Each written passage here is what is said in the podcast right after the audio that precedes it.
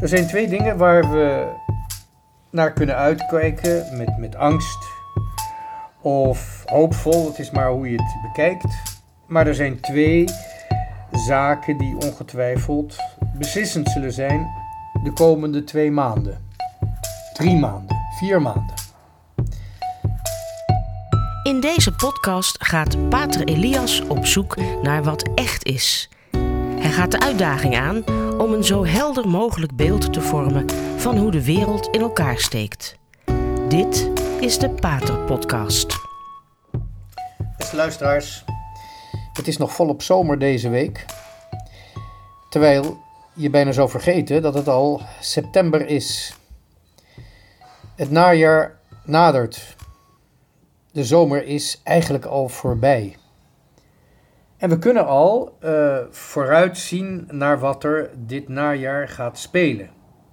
Het is mijn eerste Pater-podcast na de zomer. Ik moet ook even op gang komen.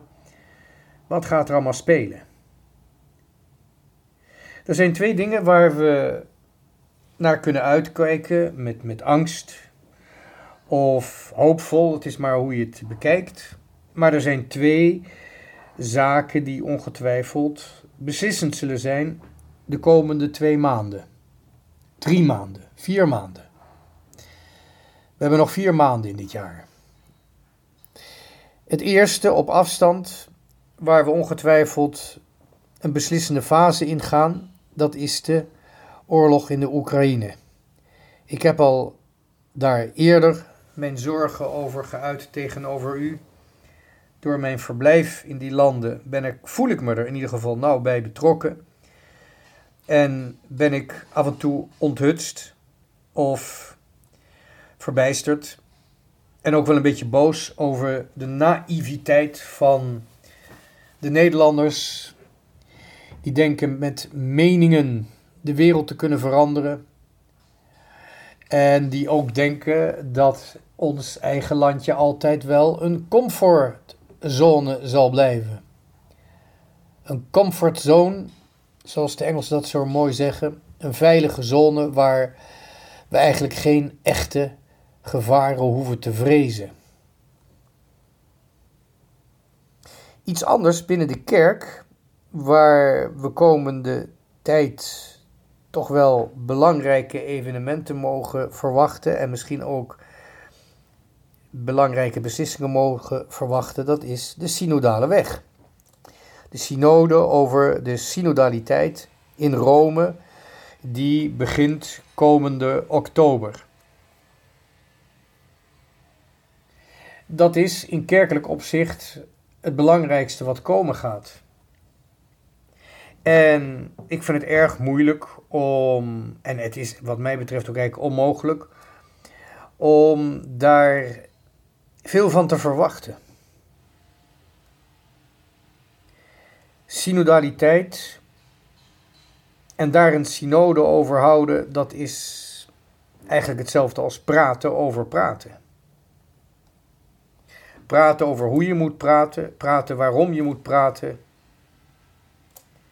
Het is eigenlijk een heel merkwaardig verschijnsel wat we zien in de institutionele kerk. We zien een kerk die in rap tempo inkrimpt, in de maatschappij eigenlijk totaal irrelevant is geworden. En nu gaan we dus praten over praten, omdat het misschien ons wat in de hoop sterkt dat we nog iets zijn. Ik sta er altijd verbaasd over, zo weinig eigenlijk, als er vanuit de hiërarchie, dat wil zeggen vanuit de leiding van de kerk, werkelijk op een authentieke manier en zelfs op een creatieve manier kanttekeningen worden gezet bij de synodale weg. Heel weinig kritische geluiden. En eigenlijk ook heel weinig opbouwende geluiden. Iedereen doet mee omdat het moet, omdat het zo hoort, omdat het vanuit Rome komt maar het wordt steeds minder duidelijk waar het nou eigenlijk om gaat.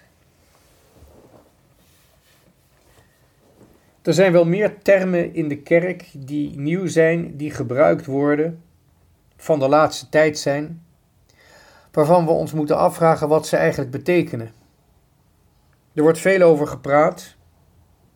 Er worden helaas weinig vragen over gesteld. Termen als onderscheiden, begeleiden, luisteren. Het zijn allemaal hele modieuze termen geworden.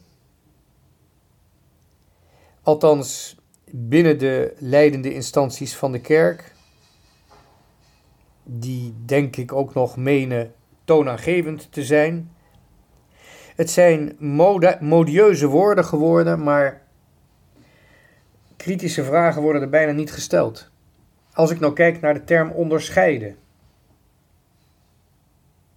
Vaak over heikele kwesties zoals communie voor niet-gelovigen of communie voor mensen die hertrouwd zijn, nagescheiden te zijn.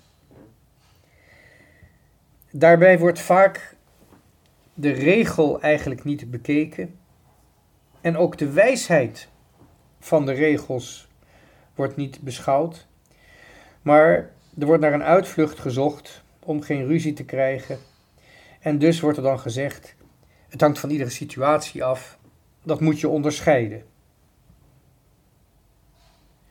En daarmee is de kous dan af. Terwijl men vergeet dat als je zegt dat gaan we dus onderscheiden voor ieder geval, dan is de volgende vraag: wat zijn je criteria van dat onderscheid? In Nederland zijn we altijd erg zorgvuldig dingen aan het doen. Wij denken na, we zijn zorgvuldig, we denken overal aan. Maar er wordt weinig gesproken over de uitgangspunten, de aannames, de criteria van die zorgvuldigheid. Zorgvuldigheid zelf is niet genoeg. Je kunt ook misdaden heel zorgvuldig voorbereiden. Dus zorgvuldigheid is zeker geen criterium om na te gaan of iets goed of slecht is. Wat zijn criteria waarmee je onderscheid wil maken? En die criteria zijn dan per definitie, omdat ze de input zijn van jouw onderscheid, je referentie, je baken als het ware, zijn ze onveranderlijk. Durven we het nog te hebben over onveranderlijke criteria van het onderscheid dat we iedere dag moeten maken? Zoals bijvoorbeeld voor het huwelijk. Is een huwelijk geldig, dan is het niet meer aan de tijd gebonden. Het kan niet verbroken worden. Het kan niet ongedaan worden gemaakt. Het huwelijk is een dogma dat een gelovige zelf mag uitvinden en daardoor krijgt het ook een eeuwige waarde. Het ja-woord heeft een eeuwige waarde. Het is een wederzijds toegekend dogma. Ik ben met jou getrouwd. En dat is mijn uitgangspunt, mijn aanname, het is mijn dogma in mijn persoonlijke leven. En alle onderscheid die je daar nog na gaat maken, blijft altijd relatief aan dat ene criterium van de onverbrekelijkheid van het huwelijk. Tot zover die term onderscheid. En dan heb je de term begeleiden, is ook erg in de mode. We moeten mensen begeleiden op hun weg. Maar daarbij wordt ook vaak de vraag vergeten: waarheen gaan we ze begeleiden? Gaan we ze begeleiden tot we samen zijn aangekomen waar we samen willen komen? Of is er een moment dat we ze, omdat ze volwassen en zelfstandig genoeg zijn geworden, loslaten? Waarheen gaat de begeleiding en op welk moment is die begeleiding voltooid? Net als ouders begeleiden uiteraard hun kinderen, maar er is toch echt een moment dat ze op hun eigen voeten moeten staan. Betekent begeleiden eeuwig erbij blijven en daardoor zelfstandigheid en autonomie eigenlijk onmogelijk maken? Of heeft begeleiden een bepaald doel, een gemeenschappelijke doel? De begeleider en degene die begeleid wordt, hebben een gemeenschappelijk doel. Namelijk het doel dat degene die begeleiding nodig heeft, wil bereiken en alleen niet kan bereiken. Een van de meest modieuze beroepen, taken of werken in onze tijd, is het coachen. Maar wanneer houdt coachen op? Wanneer neemt de coach afstand zodat je zelf het doel kunt scoren? Over die vragen wordt heel weinig nagedacht. Althans, ik hoor daar erg weinig gedachten over, erg weinig kritisch nadenken over wanneer het gaat over die term begeleiden. En hetzelfde is de bijna verafgode term luisteren. We moeten eerst luisteren. Ik hoop dat dat, dat dat voor iedereen geldt. Je luistert wel. Maar je hebt wel een doel bij het luisteren. Je luistert niet om het luisteren zelf. Je luistert bijvoorbeeld om iemand te helpen de juiste vragen te formuleren. En als het kan, ga je ook helpen om die vragen te beantwoorden. En helaas is het vaak zo dat als je naar iemand zit te luisteren, de persoon die spreekt niet echt communiceert, maar vooral naar zichzelf zit te luisteren. En naar jezelf luisteren, daar heeft niemand hulp bij nodig. Dat kun je gewoon voor de spiegel doen. Kun je je eentje doen, daar heb je niemand bij nodig. Als ik naar iemand luister, dan is dat omdat die iemand een vraag heeft. Omdat die iemand iets van mij terug verwacht. Op het moment dat ik luister, heeft iemand gevraagd aan mij om mede verantwoordelijk te worden, ergens voor. En als dat niet is gebeurd, dan bewaar ik liever de stilte, dan zeg ik niks maar ik wil ook niks horen. Gods aanwezigheid wordt het beste beseft. Daar wordt het meest van genoten ook in de stilte. Hetzelfde geldt een beetje voor bruggen bouwen. Ook zo'n mooie modieuze term. Wat is bruggen bouwen? Vooral als je bruggen bouwt waar geen oevers meer zijn. Tussen welke oevers bouwen we eigenlijk bruggen? Hebben wij iets? Heeft de ander iets? Is het echt de moeite waard om een oversteek te maken naar de andere kant? De term bruggebouwen als de, term, de term bruggebouwen, als daarbij niet de vraag wordt gesteld tussen welke oevers zijn we eigenlijk vragen uh, aan het stellen. Tussen welke oevers zijn we bruggen aan het bouwen? Als die vraag niet gesteld wordt, dan ben je dus oeverloos bruggen aan het bouwen. En dat is per definitie tijdverlies. Een brug zonder oevers is geen brug. Het is een zinloos bouwwerk. En het bouwen van bruggen, het oeverloos bruggen bouwen, is een zinloze tijdsbesteding. En ik ben bang dat het bij dit synodale proces eigenlijk precies hetzelfde is. Uiteraard moeten we weten wat er leeft onder de mensen. Maar als we daar een synode of een synode over synodaliteit of een vervolgsynode op de synode over synodaliteit. Als we het daarvoor nodig hebben, dan is er toch echt iets mis met het normale contact met de mensen. Dan hebben we al niet meer geluisterd. Dan hebben we een soort van kunstgreep nodig om de weg terug te vinden naar de realiteit.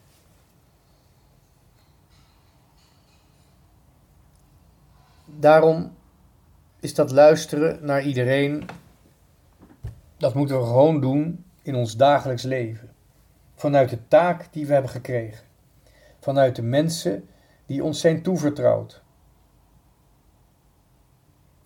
Daar komt nog bij dat deze hele synode over synodaliteit erg doet denken aan de collectieve, onnozele, maar ook blijmoedige zelfmoord van de katholieke kerk in Nederland tijdens het zogenaamd pastoraal concilie in Noordwijkerhout. We zijn altijd gewend geweest in de kerk aan de term zielzorg, want daar gaat het over. Bezorgd zijn voor de zielen, zorgen voor de zielen die God willen leren kennen, die gebruik willen maken van de sacramenten om in waarheid te leven, om antwoord te geven op Gods gave, op zijn goedheid, om zijn liefde te beantwoorden. Zielen die dat als uitgangspunt hebben, die hebben dus ook recht op zielzorg. Op een gegeven moment is die term zielzorg vervangen door pastoraal. Pastorale theologie, pastorale activiteiten. En zo werd deze modieuze term ook gebruikt voor die enorme pretentieuze happening van de zestiger jaren. Het pastoraal concilie, niet synode, niet vergadering, nee, het concilie, een term die in feite alleen maar wordt gebruikt voor bijzonder belangrijke kerkelijke ontmoetingen, waarin over het geloof wordt gepraat door competente autoriteiten, om dat geloof beter te formuleren, om controverses te overstijgen, niet om ze te veroorzaken. Maar Nederland vond zichzelf belangrijk genoeg, groot genoeg, heilig genoeg, pastoraal genoeg, om de term die eigenlijk voor de hele kerk wordt gebruikt, concilie, om dat te gebruiken voor een plaatselijk pastoraal onderonsje. Zeer goed georganiseerd, in naam democratisch, maar in feite een machtsovername door een kleine groep geëmancipeerde Nederlandse katholieke intellectuelen. En het is ook niet zo gek dat in de jaren daarna een groot deel van de gelovigen de kerk uitgevlucht is. Ze wisten niet hoe snel ze de uitgang moesten vinden. Dat pastoraal concilie in Noordwijkerhout is één grote Stalinistische bureaucratische manipulatie geweest om de kerk te transformeren in iets dat in feite niet meer de kerk was.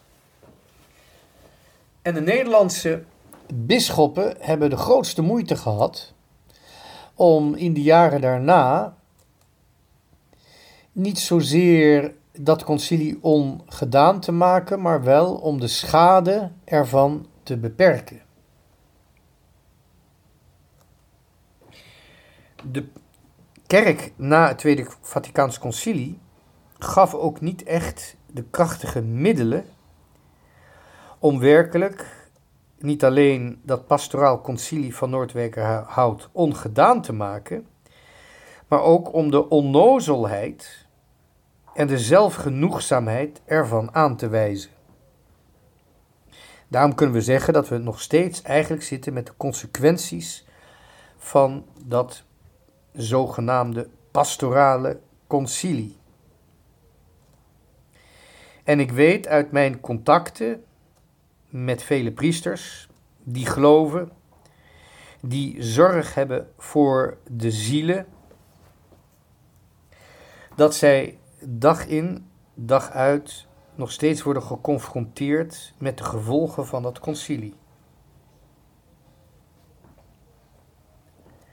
En de gevolgen zullen uiteindelijk zichtbaar zijn in de aantal parochies die over zijn in Nederland over ongeveer 10 à 15 jaar.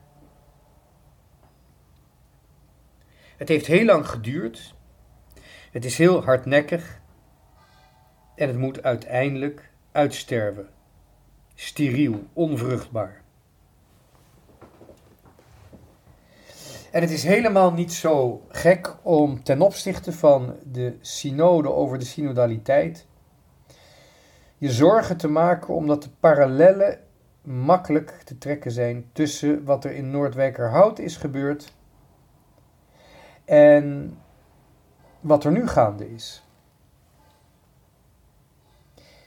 Je ziet dat ook omdat net als in Noordwijkerhout nu eigenlijk ook bij deze synode over synodaliteit eigenlijk niemand weet wat er bedoeld wordt, wat de intentie is. Eerst werd er gezegd, we willen weten wat er onder de mensen leeft, gelovig, maar ook niet gelovig. Hoe, welke vragen leven er en hoe kunnen, we daarop, hoe kunnen we die vragen beantwoorden? Maar hoewel dat in het begin ontkend werd, zie je toch ook steeds meer mensen die een erg grote fan zijn of belangrijke rol spelen in dat synodale proces. Zie je er toch al eigenlijk al op vooruitlopen dat de kerk zijn leer moet veranderen. Met name kardinaal Hollerich, die een zeer belangrijke figuur is in dat hele synodale gebeuren, die zegt zelf dat de leer van de kerk over homoseksualiteit moet worden aangepast. Het gaat dus niet meer over een nederig luisteren naar zielen die Christus beter willen leren kennen, uitgaand van het katholieke geloof. Maar het gaat in feite om het luisteren naar redenen om te rechtvaardigen wat al besloten is, namelijk om de leer van de kerk te veranderen. En dat is in feite onmogelijk. Dat gaat nooit lukken. Want je kunt nooit uit verwarring een eensgezindheid distilleren over wat we nou werkelijk geloven.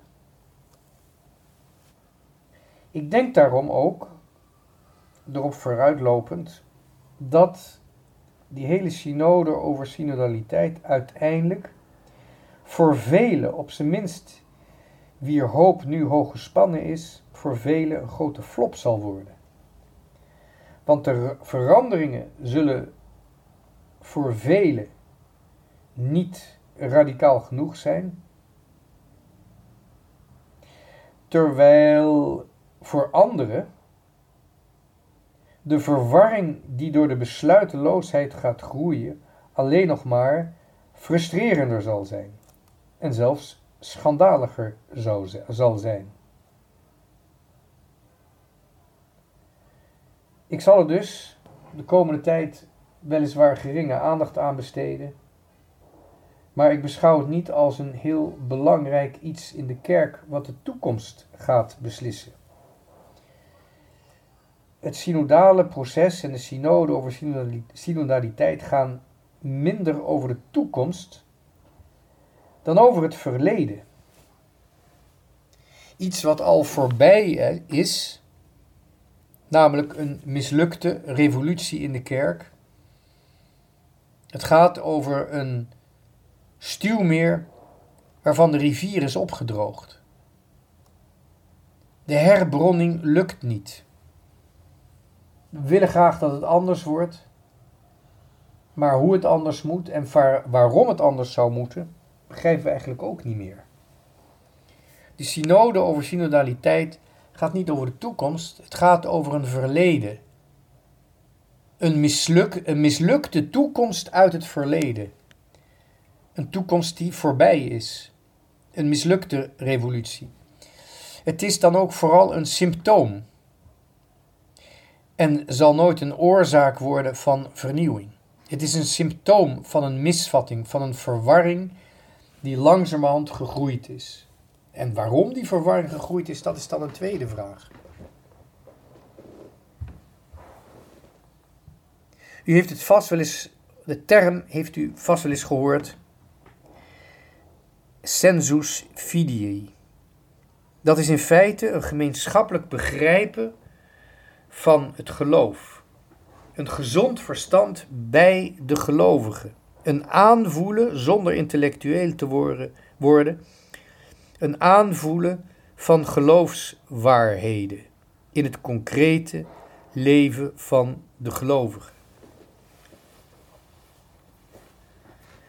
Dat gemeenschappelijke vertrouwen van de gelovigen in de geloofsleer gaat niet vanzelf. Daar zijn voorwaarden voor nodig. Allereerst moeten de lerende autoriteiten echt hun autoriteit behouden. En bij de gelovigen moet de wil bestaan om echt van de sacramenten te leven. De zeven sacramenten zijn de zeven knooppunten tussen het geloof en de realiteit. En dan kun je erop vertrouwen dat inderdaad de massa, de menigte van de gelovigen, goed zal doorhebben wat wel en wat niet katholiek is. En die sensus fidei is nou precies wat de laatste decennia volkomen is verdwenen. En ik denk zelfs dat in de zestiger jaren de mensen met een sterk sensum fidei, namelijk de normale katholieken, die in hun dagelijks leven aan eisen moesten voldoen in de familie, op het werk, in de maatschappij, en die ook dezelfde eisen, stellen aan, eisen, stelden aan hun eigen meneer pastoor, aan hun zielzorgers. Ik moet kwalitatief leven, jij moet ook kwalitatief leveren.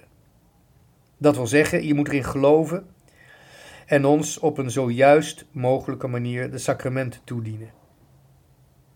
En dat bestond ook in de oude kerk, bestond dat, of de oude kerk, de kerk die voorbij is, in onze landen althans, dat sensus fidei was massaal. De menigte van gelovigen deelde daarin. Maar in die eerste jaren na het concilie, toen vele priesters er niet meer in geloofden, of in andere dingen geloofden, nieuwe dingen geloofden, is de grote menigte de kerk gewoon uitgevlucht. En ik zou bijna zeggen, terecht. Ik kan ze geen ongelijk, ge ongelijk geven. Totaal gebrek aan autoriteit en totaal gebrek aan inzicht over wat de sacramenten zijn. Dat heeft de kerkelijke leegloop allereerst veroorzaakt. En het is net alsof met die synode over synodaliteit vanuit een enigszins hopeloze kerkelijke instituut, kerkelijke functionarissen, wordt geprobeerd om dat sensus fidei opnieuw uit te vinden. Op een kunstmatige manier gaan we net, zo, gaan we net doen alsof de menigte die geen echte autoriteit meer heeft gekend en dus ook niet erkend, de menigte die in de sacramenten niet meer het contact met de eeuwigheid zoekt en van daaruit leeft als uit een bron.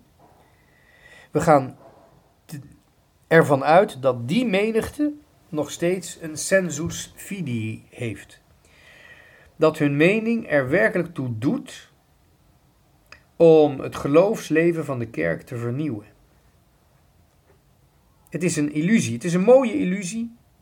Het is een dromerige illusie. En het is ook alleen maar een illusie. Wanneer een grote menigte al niet meer in de geloofsleer gelooft, al niet meer uitgaat van de sacramenten, de zeven, en ervan leeft, dan is er helemaal geen sensus fidei meer. Sensus fidei is geen democratie. Het is de menigte die inderdaad in meerderheid antwoord geeft op wat Christus aanbiedt. En als wat Christus aanbiedt niet meer gezien wordt en niet meer wordt aangeboden, dan kunnen ze niet reageren. En dan kan die menigte nog in meerderheid iets vinden. En dat kun je dan democratisch aannemen, maar het heeft niks meer met het geloof te maken.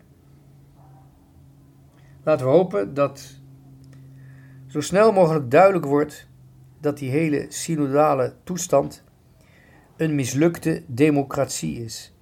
Een mislukte poging om de sensus fidei op een kunstmatige manier terug te brengen.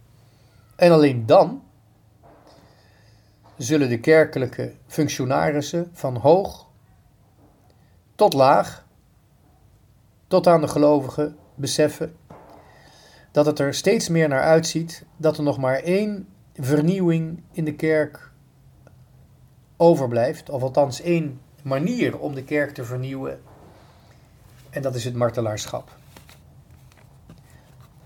Totale zelfgave aan Christus, ongeacht wat de anderen en met name de meerderheid ervan denken. Bedankt voor het luisteren.